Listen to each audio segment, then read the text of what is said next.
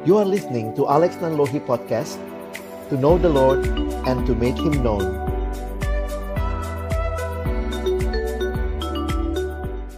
Dan uh, dalam dalam catatan saya di sini Monik adalah penasehat Menteri Koordinator Bidang Maritim dan Investasi. Boleh nggak share Mon sedikit tentang uh, profilmu? Uh, saya S1 saya dokter gigi ya, saya di FKG UI angkatan 2006. Lalu setelah hmm. lulus S1 saya uh, di Kalimantan Barat, saya bekerja untuk satu yayasan namanya Yayasan Alam Sehat Lestari atau ASRI uh, yang bergerak di bidang kesehatan dan uh, konservasi hutan di Kalimantan hmm. Barat. Jadi itu selama kurang lebih enam tahun, bang. Jadi lumayan lama wow. juga di Kalbar dulu. Uh, lalu, itu di hutan ya, Monik ya? ya di di pinggirnya di, kalau, di pinggir hutan ya. ya, ya. ya, uh, ya. Tapi menyenangkan sekali di sana kalau iya. teman-teman. Ya teman-temannya Bang Alex nih pasti banyak nih uh, mungkin mahasiswa dan alumni gitu ya yang tertarik berkontribusi gitu untuk masyarakat. Nah, boleh sekali-sekali uh, coba check out Asri gitu ya. Siapa tahu cocok gitu. Lalu uh, saya dari 2018 sampai 2020 di 2020 awal di Amerika saya ambil S2 ya. Saya ambil uh, Master of Public Health jurusannya Global Health uh, itu saya dapat beasiswa Fulbright dan puji Tuhan dapat kesempatan studi di Harvard University. Wow. Uh, uh, ya puji Tuhan. Lalu uh, awal Januari pulang ke Indonesia. Sebenarnya pengen extend ya di Amerika untuk beberapa bulan, tapi ya Tuhan tutup pintunya lah bisa dibilang. Jadi pulang pulang ke Indonesia awal tahun untuk suatu pekerjaan baru sebetulnya. Tapi iya. kemudian yeah pandemi datang gitu ya. Uh, dan segala sesuatunya berubah dan saat itu memang saya seperti apa ya langsung merasalah dalam hati bahwa kayaknya di poin ini tidak ada hal yang lebih penting untuk saya kerjakan selain dari uh, fokus untuk ngurusin pandemi ini. Itu di awal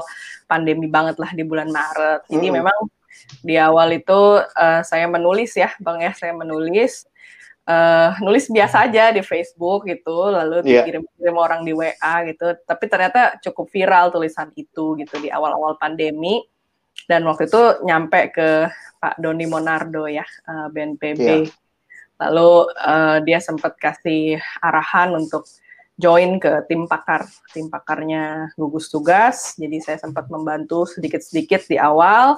Yeah. Lalu uh, setelah itu saya banyak uh, bantu da di daerah ya, maksudnya karena saya berpikir hmm. dengan desentralisasi Indonesia kayaknya lebih cocok ini saya bantunya di daerah gitu karena mereka bisa langsung implementasi. Jadi saya banyak ya ya kon kasih konsul-konsulan sporadis lah bisa dibilang gitu. Iya. Mm. Nah ya dalam proses tadi di tim pakar dan segala macam saya bertemu dengan Pak Luhut Panjaitan ya dan uh, sejak beliau dikasih mandat sama Pak Presiden di pertengahan mm -hmm September lalu uh, lalu beliau mengajak saya uh, gabung ke timnya untuk bantu uh, full time gitu untuk uh, ya advice beliau untuk COVID ini gitu. Jadi ya gitu kurang lebih ceritanya bang.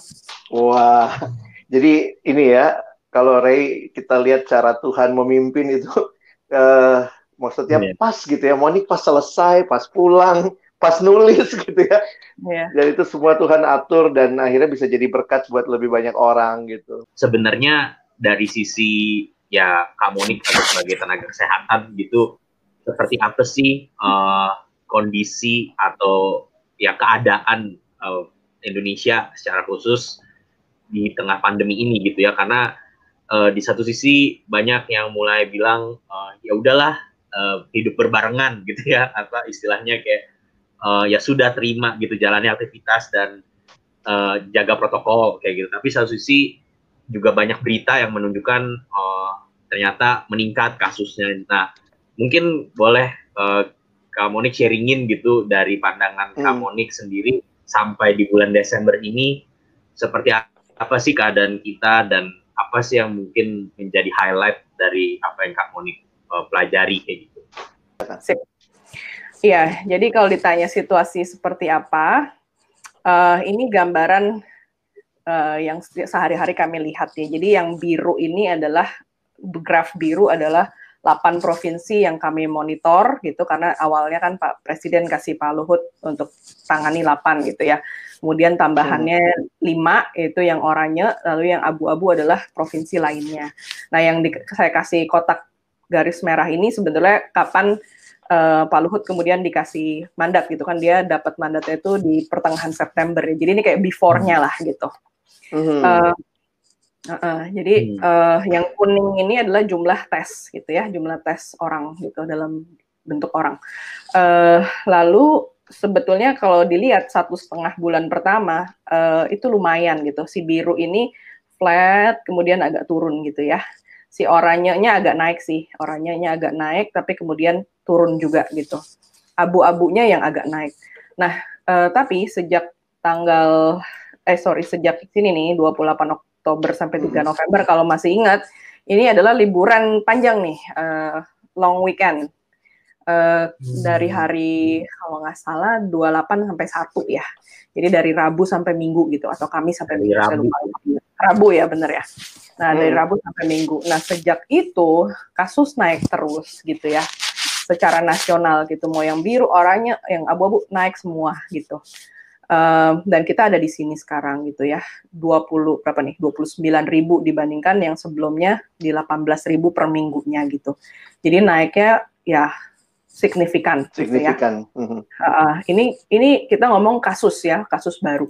Lalu hmm. yang berikutnya ini adalah uh, kematian angka kematian. Jadi bukan rate ya tapi sifatnya kasusnya jumlah orang yang meninggal gitu yang before-nya, eh sorry, merah 8, yang 8 provinsi, oranye yang 5 provinsi, yang kuning yang sisanya ya. Hmm. Jadi bisa dilihat before after-nya juga naik gitu. Walaupun awalnya uh, turun ya, turun terus, lalu naik gitu. Eh, sorry, sejak eh, uh, 28 Oktober ini mulai naik terus gitu. Dan yang kalau dilihat di sini, uh, yang sebetulnya naik signifikan adalah yang kuning ya. Artinya hmm. yang provinsi di luar 13 provinsi yang kami tangani sekarang. Uh, jadi bisa apa ya dipahami bahwa oh berarti ini udah semakin menyebar si penyakit ini dan apa menimbulkan kematian banyak justru di daerah-daerah yang mungkin lebih rural gitu ya, lebih hmm. ya, bukan bukan kota-kota besar gitu, bukan provinsi-provinsi besar. Jadi ini bisa dilihat uh, dari sisi kasus maupun kematian. Nah, lalu saya mau kasih lihat juga ini sebetulnya ini adalah uh, yang warna biru adalah pergerakan penduduk, yang warna abu-abu di belakangnya adalah jumlah kasusnya gitu, kasus konfirmasi. Nah di sini bisa dilihat sebetulnya yang biru dan yang abu-abu ini seperti cermin gitu ya. Uh, hmm. apa secara kasat mata gitu ya kelihatan kalau dia naik dia juga naik gitu naik di hmm. sini naik di sini gitu jadi uh, di sini bisa dilihat gitu sebetulnya mobilitas pergerakan penduduk itu sangat berpengaruh pada jumlah kasus gitu. Jadi bisa dibayangkan uh, di saat orang liburan tuh paling banyak bergerak gitu ya. Mungkin yang dari Jabodetabek geraknya ke Bandung, ke Bogor atau lebih jauh lagi ke pulang ke kampungnya masing-masing gitu ya di Jawa Tengah atau Jawa Timur dan lain sebagainya. Dan ini kita bikin analisa juga uh, membandingkan antara total pasien yang diisolasi di Jakarta jadi di rumah sakit di apa bangsal isolasi begitu uh, hmm. dan uh, apa uh, oh sorry overtime gitu dan di sini kita coba lihat dari apa intervensi yang pernah dilakukan gitu. Kalau tidak ada intervensi uh, ya kalau tidak ada intervensi kemungkinan trennya naik seperti si warna biru. Tapi kemudian kan ada seruan dari pemerintah bekerja belajar beribadah gitu ya. Lalu hmm. uh, itu mulai melandai, lalu masuk ke PSBB, gitu ya, masuk ke PSBB, uh, eh, dampaknya biasanya kurang lebih dua mingguan baru kelihatan gitu ya, dan trennya kemudian mulai turun, lalu masuk Idul Fitri gitu ya, masuk Idul Fitri, kita masuk hmm. ke PSBB transisi kalau masih ingat waktu itu ya, ini ngomongin Jakarta ya. Uh, iya. masuk PSBB transisi ternyata PSBB transisi tidak mampu melanjutkan tren yang turun ini gitu ya malah mungkin karena udah merasa oh udah transisi ya udah boleh balik lagi ke kantor udah boleh bekerja udah boleh ke restoran bla bla bla akhirnya trennya mulai naik lagi gitu trennya mulai naik lagi, lalu ada libur lagi. Ketika libur ini naiknya lebih apa ya curam ya, naiknya lebih curam. Lalu ini naik terus sampai kalau ingat dulu uh, gubernur sempat bilang tarik rem darurat gitu ya. Uh, hmm. Setelah tarik rem darurat, uh, trennya mulai turun. Trennya mulai turun, lalu kehajar uh, ini ya kemarin ya libur Maulid Nabi itu naik lagi dan naiknya ini steep nih, steep banget gitu bisa dibilang. Mm. Tapi kita masih dalam transisi dua ya uh, eh, PSBB transisi yang kedua dan ini mulai melandai lagi. Tapi uh, melandainya ini nggak nggak sampai turun gitu ya, dia cuma melandai aja gitu. Jadi kita udah tinggi nih bisa dibilang. Uh, oh ini saya cuma pengen bilang juga ini korelasi mm. antara pergerakan penduduk dan kasus baru gitu ya. Jadi bisa dilihat walaupun pergerakan penduduknya minus, artinya nggak lebih banyak bergerak dibandingkan dulu waktu bulan Februari sebelum pandemi, dia tetap bisa menyebabkan kasus, kenaikan kasus. Dan kalau kita lihat dari gradien yang tadi gitu ya, butuh minimal mobilitas kurang dari 30% baru eh, penambahannya itu penambahan kasusnya tuh berkurang gitu. Kasus hariannya hmm. berkurang. Jadi, jadi gradiennya negatif gitu ya. Kalau misalnya tadi yang lihat naik turun naik turun itu yang baru gradiennya ke arah hmm. bawah gitu. Hmm. Uh, jadi istilahnya walaupun sekarang kita masih merasa tidak seperti senormal dulu bulan Februari, tapi kita mobilitas kita masih cukup tinggi untuk membuat uh, apa uh, kasus menyebar secara ya positif gitu secara uh, uh, signifikan lah bisa dibilang.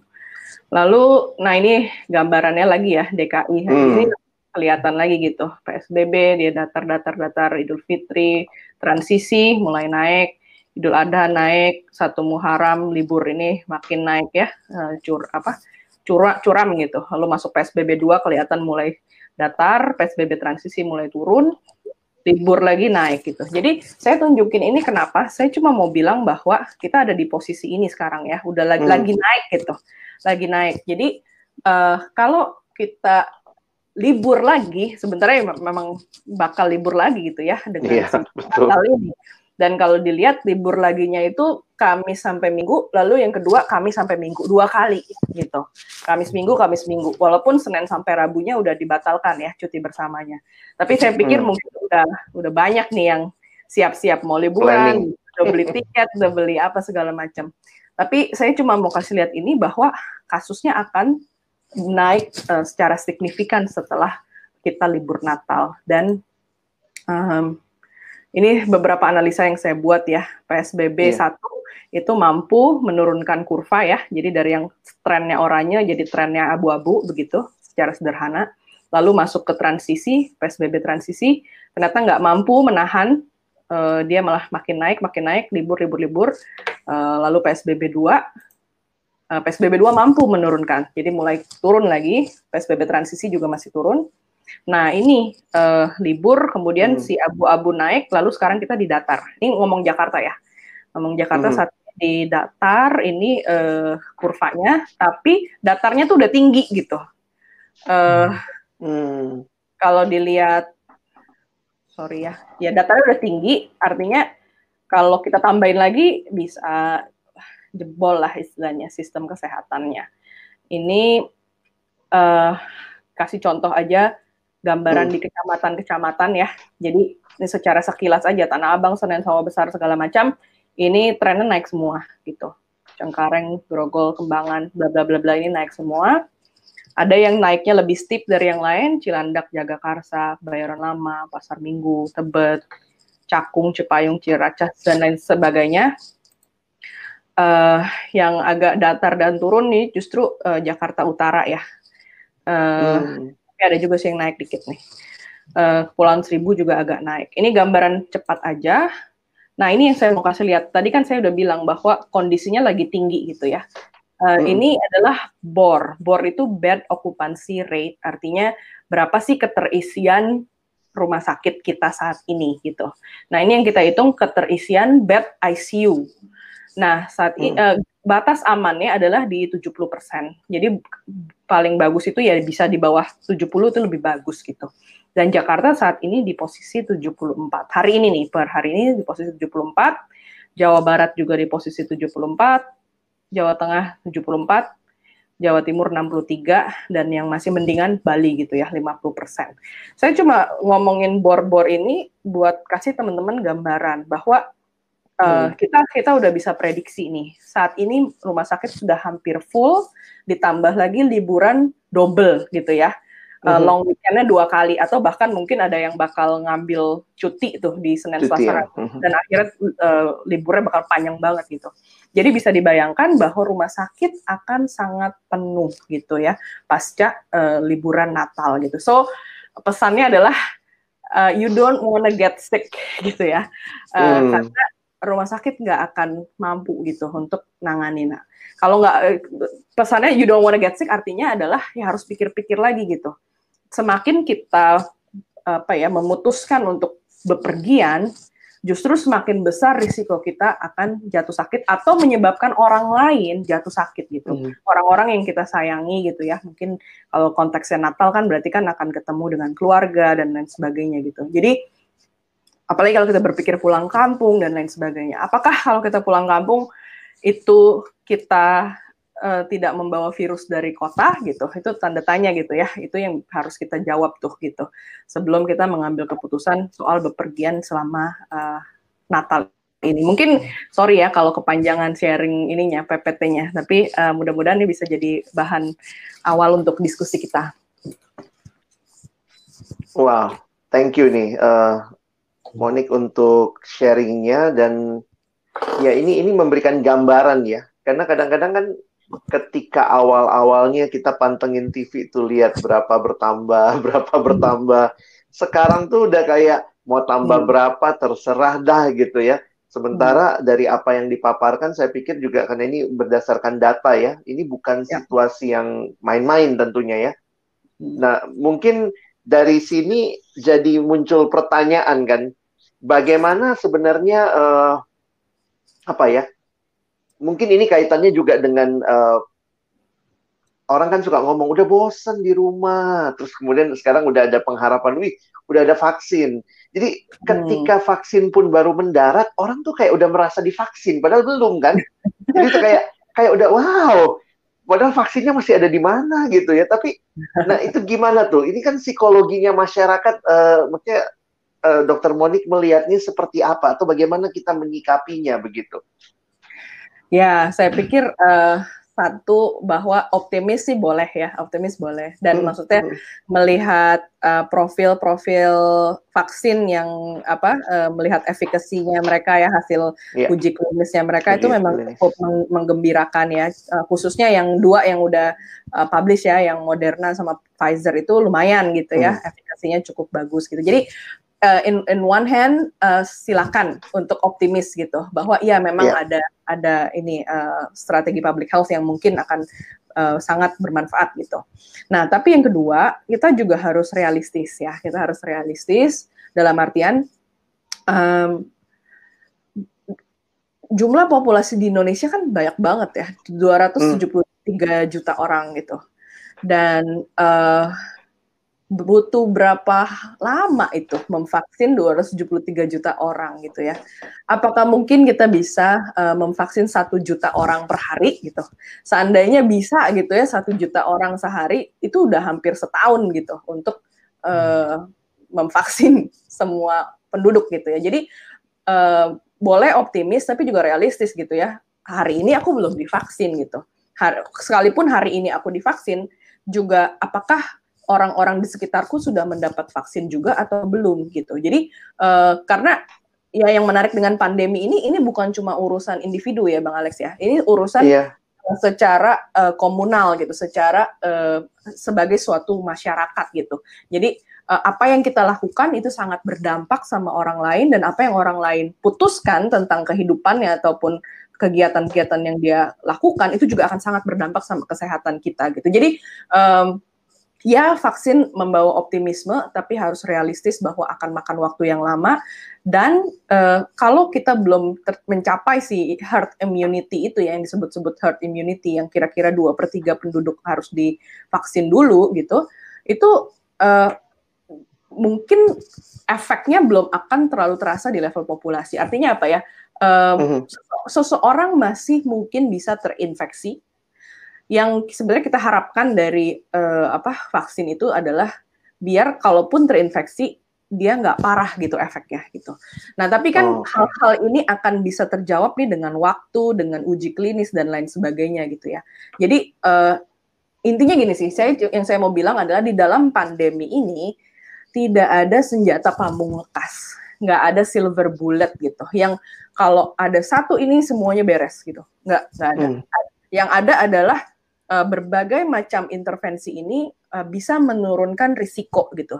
Jadi kalau yang satu nurunin 10%, yang satu lagi nurunin 15%, satunya lagi nurunin 20%, itu kita mau lakukan itu semua gitu sehingga mm -hmm. uh, resiko kita tertular itu seminimal mungkin. Itu sih uh, logikanya sih Bang Alex. Hmm.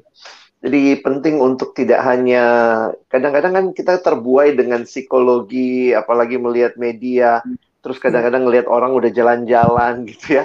Itu yeah. yang kayaknya perlu yeah. seneng saya saya menarik tuh yang uh, dokter Moni katakannya sejuta aja sehari bisa itu butuh 273 hari Iya. Kalau memang bisa dan itu tuh Indonesia besar banget.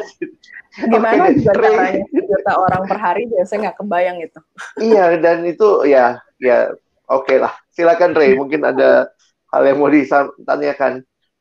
Iya. Uh, pertanyaan selanjutnya mungkin yang juga jadi tema bahasan kita malam ini gitu kali ya, uh, Dokter Monik. Uh, kan ya sebagai ya anggota gereja atau mungkin uh, keluarga kan ada ibadah mungkin ada ibadah tahun baru atau mungkin ada uh, kumpul keluarga bersama yang biasanya kita lakukan di akhir tahun. Nah, ya. uh, berdasarkan pemaparan tadi sih sebenarnya kita udah bisa nangkep ya apa yang harus kita lakukan gitu. Tapi mungkin dari Dokter Monik boleh mungkin menegaskan gitu ya kira-kira hal-hal apa sih yang perlu kita perhatikan dan kalaupun memang uh, ya ada keputusan ada berkumpul atau bagaimana kira-kira apa yang harus diperhatikan atau apa yang perlu kita tekankan bersama? Oke, okay. Uh, eh, thank you Ray pertanyaannya. Aku coba bahas satu-satu kali ya dari uh, konteks ibadah bersama dulu kali ya.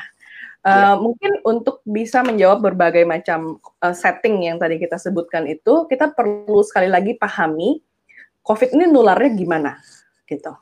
Nah, uh, yang saya perhatikan adalah uh, sebetulnya secara sains gitu ya uh, apa uh, pengetahuan tentang transmisi COVID ini penularan COVID ini ter, uh, dia terus berubah gitu ya.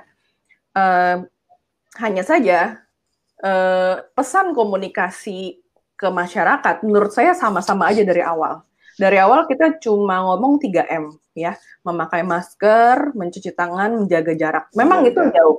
Udah paling minimal banget sih memang gitu. Tapi itu uh, menurut saya kurang memberikan nuansa atau pemahaman yang lebih utuh tentang bagaimana COVID menyebar. Jadi yang saya mau bilang begini, uh, berdasarkan apa ya, uh, ya ini udah berapa bulan ya kalau dihitung dari zamannya Wuhan ya udah setahun lah kurang lebih ya. Dan kita sudah lebih tahu bagaimana COVID itu menular. Jadi COVID itu paling menular itu dalam konteks indoor, dalam konteks indoor. Hmm dalam konteks indoor dengan ventilasi minimal. Ventilasi minimal tuh artinya jendela nggak dibuka, pintu nggak dibuka, dan biasanya kalau konteks pintu nggak dibuka, jendela dibuka, biasanya ada AC gitu ya. Jadi ruang indoor tertutup ber-AC. Itulah uh, setting uh, penularan COVID yang paling banyak. Lalu uh, faktor berikutnya juga adalah faktor aktivitas yang dilakukan di dalam ruangan tersebut gitu. Kalau dia diem-diem aja, itu uh, istilahnya lebih sedikit hembusan nafas yang dia keluarkan gitu. Dibandingkan kalau dia ngobrol apalagi nyanyi gitu ya. Jadi ini uh, udah kebayang nih gitu. Uh, saya mau udah kebayang ya. Uh, jadi memang indoor ber AC uh, rame-rame nyanyi itu apa lagi gitu ya selain gereja gitu. Jadi memang uh, kita sudah melihat banyak gitu ya cluster cluster cluster tuh artinya karena setting tersebut kemudian nyebar ke banyak orang gitu ya itu terjadi di konteks gereja gitu. Ya mungkin kalau teman-teman ingat di awal-awal pandemi dulu yang di Korsel dulu itu yeah. satu orang pasien nomor 31 itu menyebabkan ledakan kasus di provinsi Daegu tuh sampai 5000 orang gitu. Itu karena quote and quote ketidaktaatannya atau justru ketaatannya ya sama gereja saya nggak tahu deh tergantung kita lihat dari perspektif mana tapi yang pasti uh, itu satu kasus menyebabkan menyebabkan uh, ledakan kasus 5000 gitu. Jadi mungkin saya mulai dengan uh, transmisinya seperti apa gitu ya. Indoor tertutup ber. Nah, uh, gimana dengan ibadah Natal gitu ya? Nah, ini dia. kalau kita mau ideal ya, kalau saya ngomong ideal dan saya harus ngomong yang ideal, itu virtual lebih baik gitu. Kalau teman-teman pengurus gereja dan memungkinkan mengatur ibadahnya virtual itu lebih baik gitu. Ini pesan hmm. saya. Tapi kalau misalnya ya saya juga sering dengar gitu juga ya maksudnya banyak perdebatan sana sini dan, dan akhirnya kompromi untuk oke okay, tetap beribadah fisik yang mitigasi yang bisa teman-teman lakukan adalah buka jendela buka jendela buka pintu pasang exhaust coba pikirkan hmm. bagaimana caranya udara dari luar itu masuk ke dalam ruangan jadi uh, mungkin saya mau kasih gambaran gini kali paling gampangnya adalah rokok mungkin ya, asap rokok mm -hmm. gitu. Kalau misalnya ada seseorang merokok di dalam ruangan ber AC indoor tertutup semua satu jam, terus teman-teman masuk ke ruangan itu, itu kan langsung ya kita bisa langsung nyium yeah. dan pasti penuh dengan asap ruangan itu gitu. Gimana caranya biar nggak sepekat itu pasti kita buka jendela gitu ya, buka jendela, buka mm -hmm. pintu biar asapnya cepetan keluar gitu, atau pakai exhaust dan lain sebagainya. Jadi bayangkan seperti itu gitu, penyebaran COVID pun seperti itu, walaupun kita nggak bisa cium baunya gitu ya, tapi kurang lebih untuk membayangkannya seperti itu gitu. Jadi hmm. lebih banyak udara dari luar masuk itu lebih bagus gitu, lebih bisa mendilut ya, mengapa ya, hmm. mendilut itu ya, uh, dilusi, me mengencerkan gitu ya, mengencerkan kepekatan udaranya gitu. Uh, jadi satu kalau bisa virtual virtual untuk konteks ibadah ya. Kalau memang setelah debat-debat argumen antara majelis atau gembala atau apa pun dan memutuskan pertemuan fisik, usahakan udara dari luar masuk, uh, buka pintu, buka jendela. Kalau bisa ibadah outdoor itu lebih baik lebih baik lagi. Jadi misalnya di halaman gereja tapi ada atapnya tapi nggak ada dindingnya gitu ya itu bisa hmm. gitu saya saya melihat beberapa gereja memungkinkan itu misalnya kayak di tempat parkirnya kah mungkin gitu ya atau di suatu aku nggak tahu ya lapangan atau apa gitu atau ibadah hmm. padang gitu itu juga sesuatu yang memungkinkan dan saya pikir opsi yang lebih baik daripada tetap di indoor gitu kalaupun kekeh mau indoor ya itu ya buka jendela buka pintu uh, lalu ya pasti yang kita sama-sama tahu jumlahnya harus dikurangi, harus hmm. pakai masker. Jadi mau nyanyi, mau apa, pak maskernya nggak boleh dilepas gitu. Uh, dan kalau bisa ya nyanyinya mungkin dipendekin, nggak hmm. usah apa ya, mungkin nyanyi setengah suara. Bait, ya. Jadi memang kita harus memikirkan bagaimana mengurangi risiko itu gitu.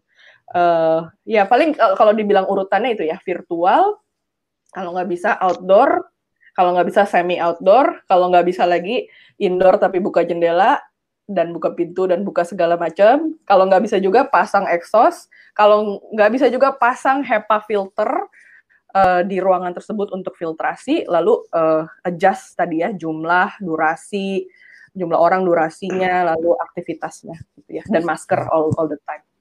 Itu kali Ray. Oh iya tadi baru ngomongin ibadah ya. Nah yang kedua makan ya, makan bareng. Ah, itu juga sangat hmm. Natal. Sebenarnya logikanya gini aja sih, kalau makan bareng itu kan mau nggak mau lepas masker gitu ya. Dan masker itu bisa dibilang vaksin kita saat ini sebetulnya. Jadi kalau kita hmm. lepas hmm. itu masker, ya kita sedang melepaskan si imunitas kita itu gitu atau si apa ya penjaga itu gitu uh, satu-satunya mungkin yang saat ini bisa melindungi kita gitu dan melindungi orang lain jadi kalau saya uh, melihatnya untuk makan-makan bersama apalagi kalau tadi konteksnya habis ibadah bareng lalu makan bareng gitu ya wah itu memang udah tempatnya lah uh, tempat favoritnya uh, corona gitu uh, jadi uh, kalau menurut saya mitigasinya kalau soal makan-makan bareng ini banyak konteks ya bisa setelah pulang gereja atau makan bareng keluarga dan lain sebagainya. Kalau misalnya makan bareng keluarga, saya pikir kalau dia keluarga serumah yang sehari-hari memang tinggalnya sama orang-orang rumah itu, saya pikir tidak apa-apa gitu. Silakan makan keluarga serumah. Tapi uh, kalau makan keluarga serumah tapi kemudian di restoran yang indoor yang rame ya sama aja gitu ya. Uh, it defeats the purpose gitu. Uh, hmm. Jadi konsepnya itu bayangkan seperti bubble ya, seperti gelembung. Jadi kita yang keluarga serumah ini ada dalam satu gelembung yang sama, bubble yang sama. Ketika kita mengizinkan ada orang lain masuk ke gelembung ini, artinya hmm. kita sedang merisikokan si gelembung ini tertular gitu.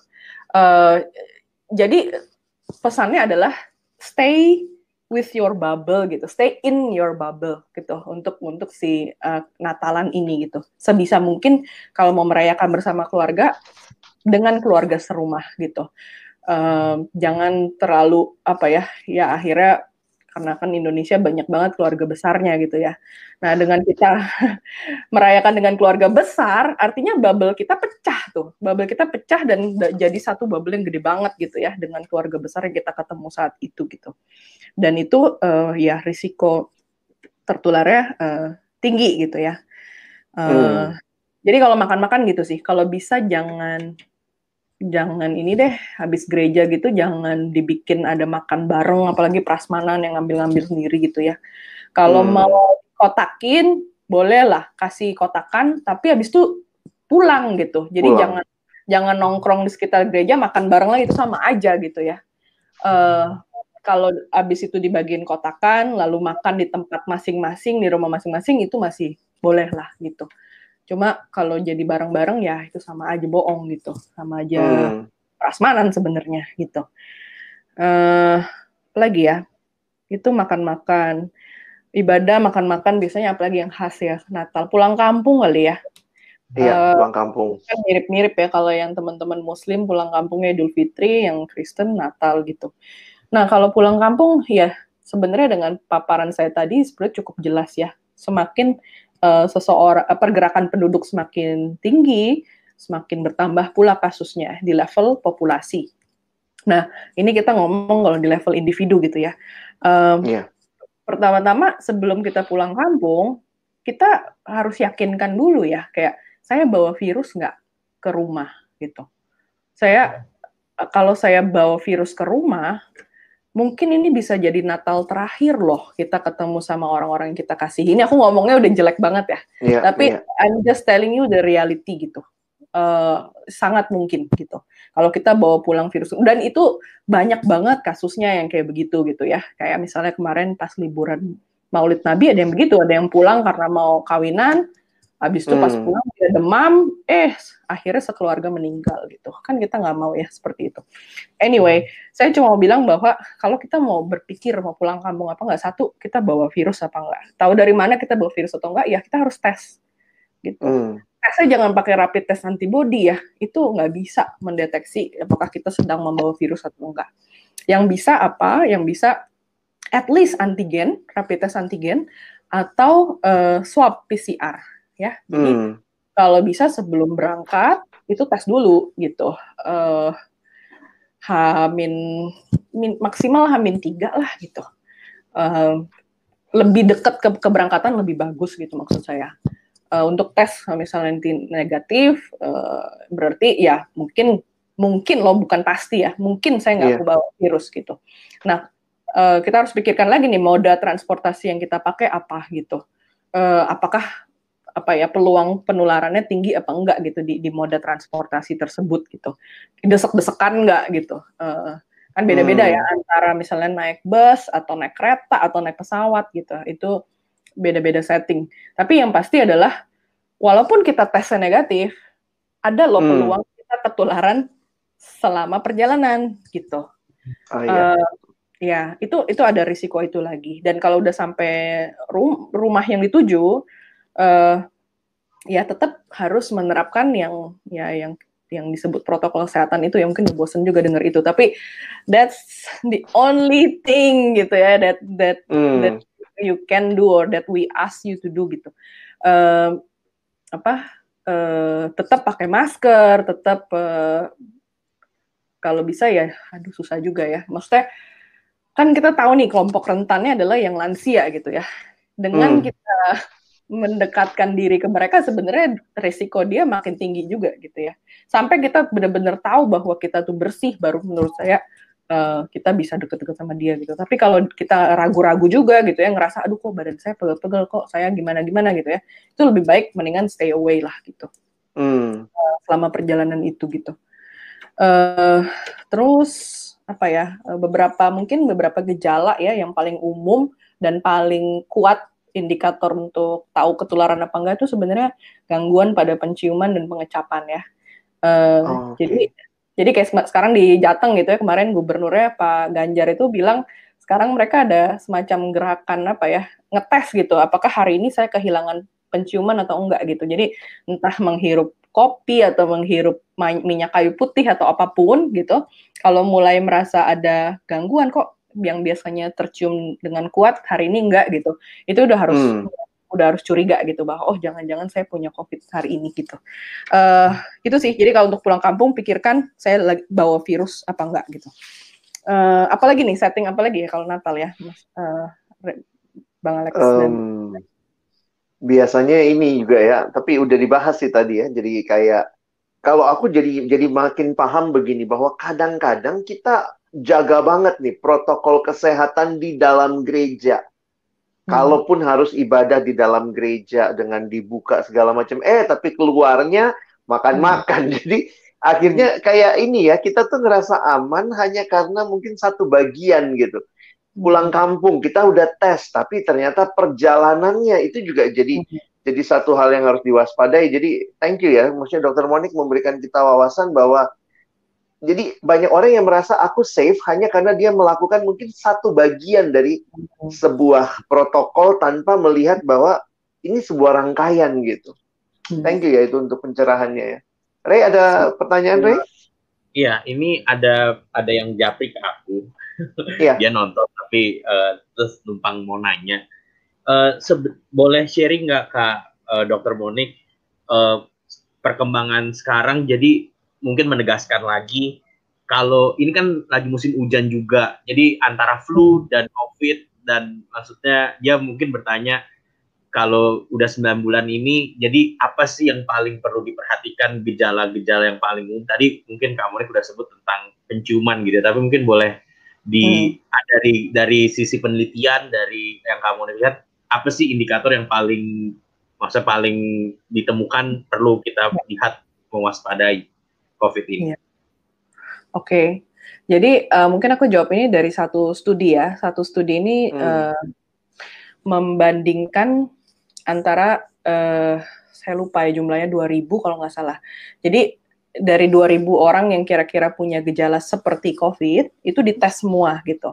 Lalu ada yang negatif, ada yang positif gitu kan. Nah kemudian gejala-gejala tersebut di apa ditumpang tindihkan, dilihat mana yang paling beda gitu. Mana yang hmm. paling beda artinya itulah yang paling uh, kuat prediktor paling kuat COVID gitu. Nah uh, ternyata ada tiga sebetulnya gejala yang paling kuat prediktor COVID ya. Satu uh, tadi kehilangan penciuman atau dan pengecapan atau atau pengecapan. Jadi kalau ada gangguan itu udah itu udah hampir pastilah itu COVID.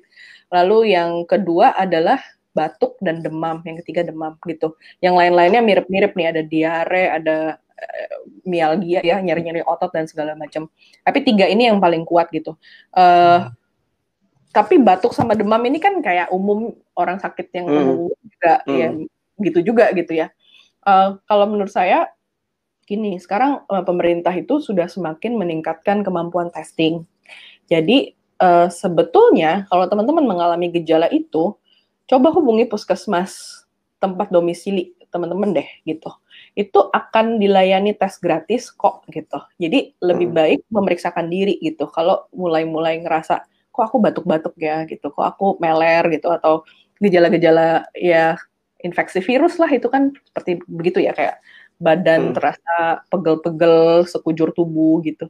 Itu uh, lebih baik memeriksakan diri dari awal ya. Jadi uh, daripada mungkin ya menunggu sampai beneran sakit atau sesak atau apa gitu ya. Karena gini, uh, salah satu yang kita paling apa ya masalah yang paling susah gitu ya kita hadapi adalah uh, banyak masyarakat, eh sorry, ya pasien yang kemudian meninggal itu karena uh, dia nggak mau berobat gitu atau dia terlambat berobat gitu. Jadi nunggu hmm. sampai sesak, sampai udah nggak tahan lagi baru ke rumah sakit. Nah itu udah telat lah bisa dibilang. Gitu. Jadi hmm. sebenarnya kalau kita mau menurunkan angka mortalitas karena COVID, uh, tentu kita harus uh, mengupayakan deteksi dini, deteksi sedini mungkin gitu. Jadi ketika dia dideteksi dini, intervensinya bisa dilakukan lebih awal gitu, dan pemantauannya bisa dilakukan tiap hari gitu oleh petugas kesehatan. Jadi uh, jangan tunda gitu. Dan dan kenapa orang tunda? Karena stigma ya. Itu ya juga salah satu hmm. yang yang susah itu dihadapi dan saya pikir setiap dari kita punya apa ya peran, punya tanggung jawab bagaimana uh, men mengedukasi ya orang-orang sekitar kita bahwa kalau seseorang kena COVID itu bukan sesuatu yang memalukan gitu, bukan sesuatu yang orang harus umpet-umpetin gitu, kayak sembunyikan itu, jangan sampai tetangga tahu gitu.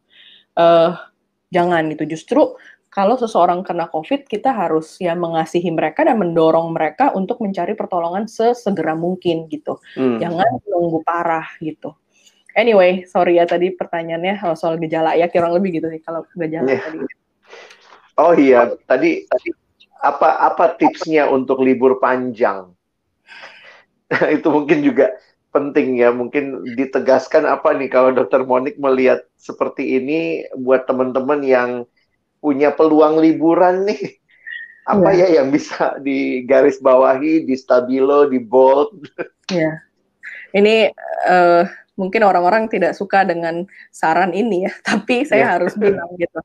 Jangan bepergian itu uh, pertama karena uh, tadi kita sudah lihat ya bahwa mobilitas itu sangat berpengaruh sama kenaikan kasus. Jadi kalau saya bisa bilang jangan bepergian, ya itu yang yang nomor satu kalau mau di bold di stabilo uh, yang saya bisa sampaikan. Uh, yang kedua ya berkaitan dengan itu kalau misalnya apa? Uh, deng sorry, yang kedua adalah stay with your own bubble. Jadi stay dengan uh, tinggal dengan keluargamu masing-masing yang sehari-hari kamu hmm. ada di di rumah yang sama gitu. Jadi kalau mau ingin merayakan Natal ya rayakanlah bersama mereka di rumah gitu. Atau hmm. uh, kalaupun mau keluar cari konteks yang outdoor gitu. Jangan cari konteks yang indoor rame-rame orang itu malah nyari masalah gitu. Tapi kalau mau menghabiskan waktu bersama mereka, carilah tempat yang outdoor gitu ya.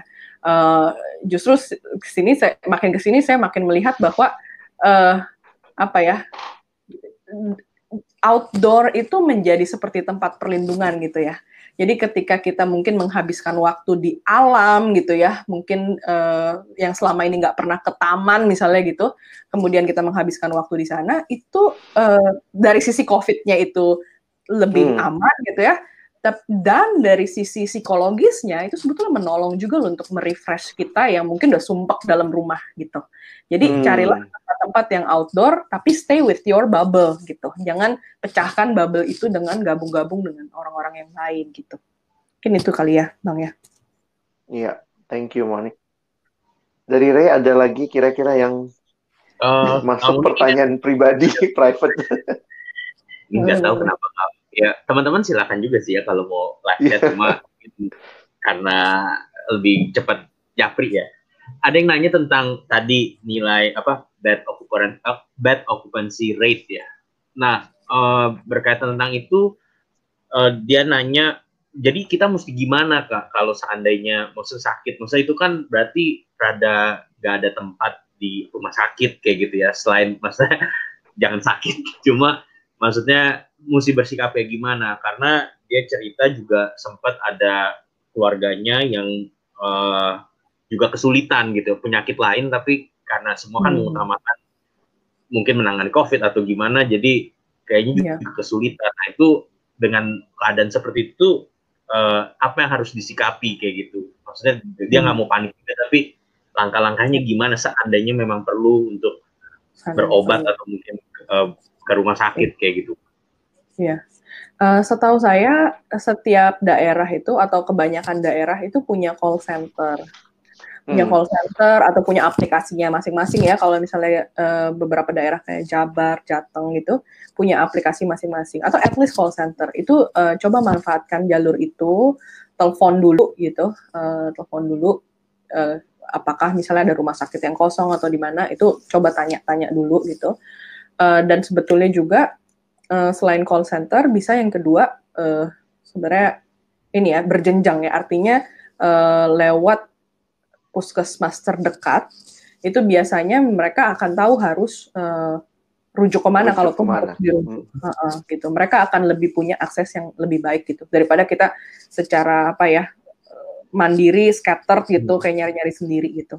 Uh, hmm. coba pakai struktur yang memang ada gitu. Struktur yang memang pemerintah siapkan lewat puskesmas dulu gitu. Tanya dengan mereka. Karena yang namanya puskesmas itu mereka tuh penanggung jawab wilayah sebetulnya gitu. Artinya kalau kita tinggal di daerah tanggung jawab wilayah dia, dia bertanggung jawab nih meng, mengkasih info ke kita, mengedukasi kita, kasih kita info tes bagaimana, testing gratis gimana, kasih kita info rumah sakit mana yang kosong itu tanggung jawab mereka gitu. Jadi hmm. ini mungkin nggak nggak banyak yang tahu, tapi ini mungkin saya kasih tahu bahwa mereka penanggung jawab wilayah gitu. Jadi carilah hmm. puskesmas walaupun mungkin kamu nggak pernah ke sana gitu, tapi uh, please know that info gitu. Hmm. Uh, suatu saat bisa dipakai. Oke, okay. thank you Kak Monik. Kalau Dari ini uh, Dokter Monik uh, berkaitan dengan ketika misalnya tidak harus di rumah sakit ditangani, dia misalnya kena COVID hmm. tapi diisolasi mandiri di rumah.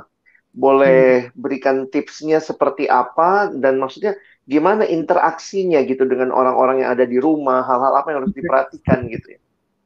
Iya, jadi untuk isolasi mandiri ya, uh, ini satu studi lagi, satu studi dia sifatnya itu meta analysis dan systematic review. Artinya dia mengumpulkan dari begitu banyak studi lainnya lalu di di apa di analisis hmm. lah gitu. Dan uh, analisa studi ini bilang bahwa uh, kontak erat di dalam rumah itu punya 10 kali lipat risiko lebih tinggi tertular dibandingkan kontak erat di luar rumah. Artinya hmm. isolasi mandiri itu tidak efektif gitu. Itu yang saya mau bilang. Dan sebetulnya dari hari pertama pandemi ini dan dari awal-awal saya ngomong di gugus tugas segala macam, yang pertama saya ngomong adalah kita harus upayakan isolasi tersentral yang di uh, uh, manage sama pemerintah gitu. Pemerintah. Uh, iya. Dan syukurnya uh, saat ini di di tim Pak Luhut itu menjadi salah satu strategi utama ya bahwa isolasi tersentral itu menjadi uh, leb, lebih diutamakan didorong gitu uh, untuk uh, dipakai. Jadi kayak misalnya konteksnya Jakarta, berarti Wisma Atlet dan hotel-hotel yang kemudian dikelola pemerintah, uh, Jawa, hampir semua kota-kota besar itu sudah sekarang memiliki isolasi terpusat ini. Dan tiap kali rapat koordinasi dengan gubernur-gubernur itu pasti ditekankan lagi dan lagi dan lagi bahwa jangan isolasi mandiri lagi gitu. Karena se uh, selain daripada studi yang tadi saya kasih tahu, uh, data di Indonesia itu klaster yang yang paling tinggi itu adalah klaster rumah tangga gitu. Orang hmm. tertularnya hmm. tuh di rumah. Jadi satu di ru satu rumah tangga, satu rumah, dua kantor, tiga asrama, asrama pondok pesantren, uh, apa tuh namanya uh, penjara. Kos Jadi kosan. kos-kosan saya belum lihat datanya, tapi hmm. logikanya hmm. kalau kos-kosan itu baik nggak tahu ya. Saya nggak kos di sini saya nggak gitu tahu orang-orang di sebelah saya gitu ya. Oh, uh, ya nggak terlalu nyampur gitu. Tapi kalau konteksnya asrama ponpes ini kan paling kenal semua gitu ya. Tapi ya. anyway saya cuma mau bilang bahwa nomor satu penularan terjadi di rumah gitu. Dan itu lah kenapa sebenarnya saya tidak sama sekali tidak menganjurkan isolasi mandiri gitu. Jadi uh, pemerintah tuh sudah menyediakan loh hotel-hotel gitu ya dan wisma gitu ya yang sebetulnya uh, manusiawi kok gitu, bukan kayak apa ya penjara atau barak atau apa enggak gitu. Itu tempat-tempat yang manusiawi yang bisa dipakai untuk isolasi mandiri ini. Nah, uh, eh sorry untuk isolasi di fasilitas yang. Di terpusat. Uh, kalau isolasi mandiri di rumah itu kesulitannya adalah uh, satu siapa yang tahan ada di dalam kamar selama 14 hari dalam kamar nggak keluar-keluar sama sekali saya pikir mungkin kalaupun ada itu segelintir orang. Pasti yang biasanya terjadilah adalah orang ini tetap akan keluar-keluar dan menggunakan uh, shared space ya atau ruangan yang dipakai bersama. Jadi kayak ruang tamunya kah atau WC-nya atau apa pun lah gitu. Dan kita sama-sama tahu juga bahwa banyak keluarga di Indonesia ini dalam satu rumah itu dari kakek nenek sampai cucu dalam satu rumah yang sama gitu dan padat gitu ya. Intinya sangat sulit untuk uh, apa uh, menjalankan isolasi mandiri dengan proper, dengan layak gitu. Um, oleh karena itu, kalau dari saya, kalau memang seseorang kena COVID dan tidak ada gejala atau gejala yang ringan, manfaatkanlah sesuatu fasilitas yang sudah disediakan pemerintah si isolasi terpusat tadi gitu. Dan kalaupun um, ngotot pengen di rumah, lihat dulu rumahnya uh, layak nggak? Dalam artian apakah memang ada kamar tersendiri yang punya WC sendiri dan kita berkomitmen nggak akan ketemu keluarga kita selama 14 hari gitu. Kalau hmm. kita sekuat itu komitmen kita dan memang ruangannya memungkinkan rumahnya cukup gitu ya, uh, baru oke okay gitu ya. Um, dengan risiko tanggung masing-masing artinya gitu. Hmm. Uh, itu sih Bang Alex yang bisa saya sampaikan. Wah, thank you banget ya. Malam hari ini banyak hal yang kita dibukakan dan saya pikir uh, jadi tanggung jawab kita untuk bisa meresponinya dengan tepat. Karena ya situasi ini mungkin yang terakhir kalau dari saya apakah Dokter Monik bisa me, apa ya bukan memprediksi juga tapi kira-kira kita akan seperti ini berapa lama lagi gitu ya? Kalau orang bertanya secara data secara apa atau um, maksudnya kita harus siap seperti ini berapa lama lagi kira-kira? Wah, pertanyaan yang susah, ya. uh, kalau di awal-awal pandemi dulu ya, ada satu uh, apa sekelompok ilmuwan yang memperkirakan ini akan seperti ini kira-kira dua tahun gitu. Sometime in yeah. 2021 ini lebih reda gitu. Uh, itu mungkin. Lalu yang kedua juga uh, sebenarnya tadi ya dengan vaksin itu jika kita sudah sampai level herd immunity yang dua per tiga uh, penduduk di penduduk. organisasi mudah-mudahan juga kasusnya menurun dan kita lebih kebal dalam artian kalaupun terinfeksi uh, gejalanya nggak parah gitu nggak sampai meninggal atau nggak sampai ya parah dan segala, lain sebagainya jadi uh, saya ada di uh, sisi yang optimis dan waspada gitu ya Uh, Jadi optimis bahwa sometime in 2021 ini akan lebih reda. Uh, cuma tetap waspada. Uh, saya pikir kewaspadaan ini mungkin masih dua tahun ke depan lah ya. Kalau yang dinamakan yeah. waspada gitu. Waspadanya artinya tetap selalu pakai masker, jangan makan bareng-bareng apalagi indoor. Uh, cari selalu ruangan outdoor uh, sebisa mungkin gitu. Karena kalau mau dikurung di rumah terus juga nggak bisa gitu ya tapi selalu upayakan setting itu outdoor gitu. Dan uh, sebisa mungkin bubble kita tuh kecil aja gitu. Artinya ya udah keluarga inti yang sehari-hari saya tinggal serumah dan uh, kalaupun saya kerja ya bubble kerja aja gitu. Jadi jangan terlalu hmm. gede banget gitu bubble-nya.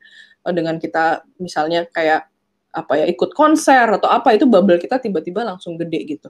Tapi bagaimana sebisa mungkin bubble kita sekecil mungkin gitu selama menghadapi pandemi ini. Ya jadi saya uh, mungkin dalam satu dua tahun ke depan ya, Bang Alex ya. Iya. Uh, akan begini. Termasuk apakah itu juga termasuk apa ya? Mungkin waspadanya gereja dan pelayanan mahasiswa, pelayanan siswa uh, better virtual dulu begitu. Karena ini juga kalau bicara kampus ya, kita melayani hmm. di kampus, di sekolah itu sebagian besar paling nggak sampai akhir semester ini saya nggak tahu nih pemerintah ke depan apakah hmm. membuka akses ke sekolah secara offline atau yeah. mungkin kira-kira begitu ya wacananya gitu ya kalau yang kita dengar di berita ya saya sendiri hmm. belum mendalami itu banyak tapi yang saya dengar di berita kayaknya akan memikirkan untuk sekolah offline uh, kalau konteksnya persekutuan mahasiswa ya uh, mungkin pikirkan konteks outdoor juga bang Alex kayak oh, okay uh, apa sih istilahnya ibadah Padang ya, kebaktian Padang hmm. ya. Uh, uh, uh, saya mikirkan kalau dulu di FKG itu kan ada ya lokasi-lokasi uh, yang ada pohon-pohonnya gitu ada ya. pohon-pohon. saya yakin DPR, DPR di bawah pohon rindang. Ya, yeah, exactly. Jadi uh, pikirkan konteks outdoor dan pikirkan uh, ya selalu pakai masker juga ya gitu-gitulah. Kalaupun harus offline ya. Oke. Okay. Dari Ray ada yang terakhir Ini, mungkin? Aku masih boleh nanya lagi nggak? Ah, mas, ternyata ada pertanyaan yang baru masuk. Oke, oke, okay, okay, silakan. Jadi uh, ini sebenarnya Bang Eli yang nanya. Okay. Bang Eli aku uh, nanya uh, kamu Dokter Monik kenyataannya masih banyak puskesmas dan tim gugus di lapangan tuh mengizinkan isolasi mandiri di rumah. Kalau tadi kan Kak Monik bilang uh, sebaiknya jangan.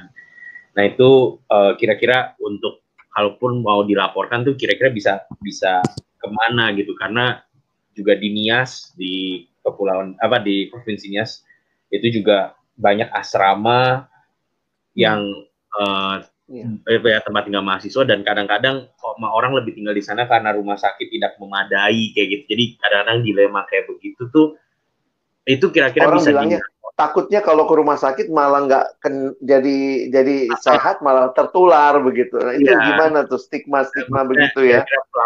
Mau bisa melaporkan atau bisa seperti apa kayak gitu? Ini konteksnya di mana ya berarti ya, Ray? Di Nias tadi itu ya? Uh, ini sih Bang Eli bilang di, di Nias sih, uh, di daerah okay. mungkin ya. Iya. Jadi memang uh, tadi yang saya bilang bahwa pemerintah didorong untuk isolasi terpusat dan lain sebagainya, memang yang paling diprioritaskan tuh daerah-daerah dengan kasus tinggi gitu ya. Jadi daerah dengan kasus tinggi artinya ya mostly di kota-kota lah gitu ya, atau di ibu kota kabupaten atau ibu kota provinsi gitu. Uh, hmm. Jadi memang ada daerah daerah-daerah yang mungkin kasusnya lebih sedikit masih diizinkan untuk uh, isolasi mandiri gitu. Ya kalau misalnya memang kemudian nggak tersedia juga gitu ya, saya nggak tahu konteksnya di Nias itu ada apa enggak. Uh, tapi kalau misalnya memang nggak tersedia, ya artinya harus memikirkan ya. Saya sempat juga tuh mikir-mikir kalau misalnya saya kena gitu ya yang hmm. Eh, dengan orang rumah saya seperti apa nih kira-kira konfigurasinya gitu ya kayak pengaturannya gimana yang saya pikirkan yang kami pikirkan di keluarga saya gitu kalau ada salah satu dari kita yang kena uh, yang sisanya yang akan ke hotel gitu jadi okay. biarin si satu orang yang terkena ini istilahnya ada di rumah itu dan bisa menggunakan fasilitas rumah itu sendiri gitu tapi yang sekeluarga lainnya yang pindah gitu ya. Jadi ini memang agak beda konsepnya ya. Kalau yang lain kan kayak satu orang yang dipindahin, yang sakitnya gitu. Tapi di keluarga kami kami berpikir uh, begitu gitu. Jadi uh, mungkin harus dipikirkan aja gimana memisahkan yang sakit dari yang sehat. Itu konsepnya sih sebenarnya. Memisahkan yang infeksius dari populasi yang sehat biar gampang mikirnya gitu. Uh, story tadi soal apa yang bagaimana kedua? Kalau orang uh, mesti kontak ke mana untuk untuk bisa hmm. dapat akses ke ini kalau mungkin konteks Jakarta atau apa ya yeah. aksesnya untuk masuk ke wisma atlet misalnya mesti kontak ke mana begitu kalau oh. terkena Oke, okay. okay. kalau Jakarta itu lagi-lagi puskesmas, puskesmas masing-masing oh, okay. gitu. Uh, harusnya puskesmas itu mendapat notifikasi juga bahwa eh ada wargamu yang positif nih gitu. Itu mereka akan dapat hmm. notifikasi itu. Tapi kadang-kadang dengan dengan kelemahan kita dari sisi data dan segala macam, kadang-kadang mereka telat juga taunya gitu. Jadi kita hmm. pasien yang tahu duluan gitu. Nah kalau kita konteks kita yang tahu duluan itu nggak apa-apa, kita bawa aja hasil tes itu, uh, kita hubungi si puskesmas tempat kita domisili kita berada gitu. Jadi jangan puskesmas berdasarkan KTP ya. Kadang-kadang uh, eh, KTP-nya di mana, saya kayak misalnya KTP saya Kalbar gitu, tapi saya tinggal di hmm. Jakarta hmm. gitu. Uh, itu berdasarkan domisili gitu. Jadi uh, hubungi puskesmas dengan domisili masing-masing untuk uh, dapat akses ke fasilitas isolasi uh, terpusat tadi. Oh, Okay. Tadi pertanyaan soal asrama kalau nggak salah ya.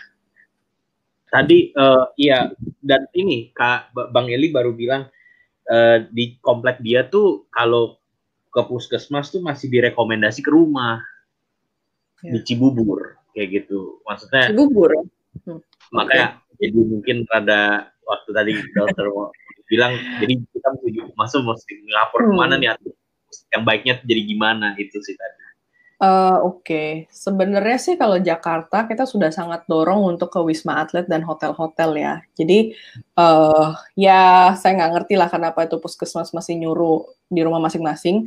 Tapi uh, mungkin bisa minta bahwa saya minta di wisma atlet aja deh, atau saya minta di hotel apa gitu yang hmm. memang disediakan pemerintah gitu. Itu bisa gitu untuk uh, meminta itu. Kecuali hmm. kalau udah penuh ya.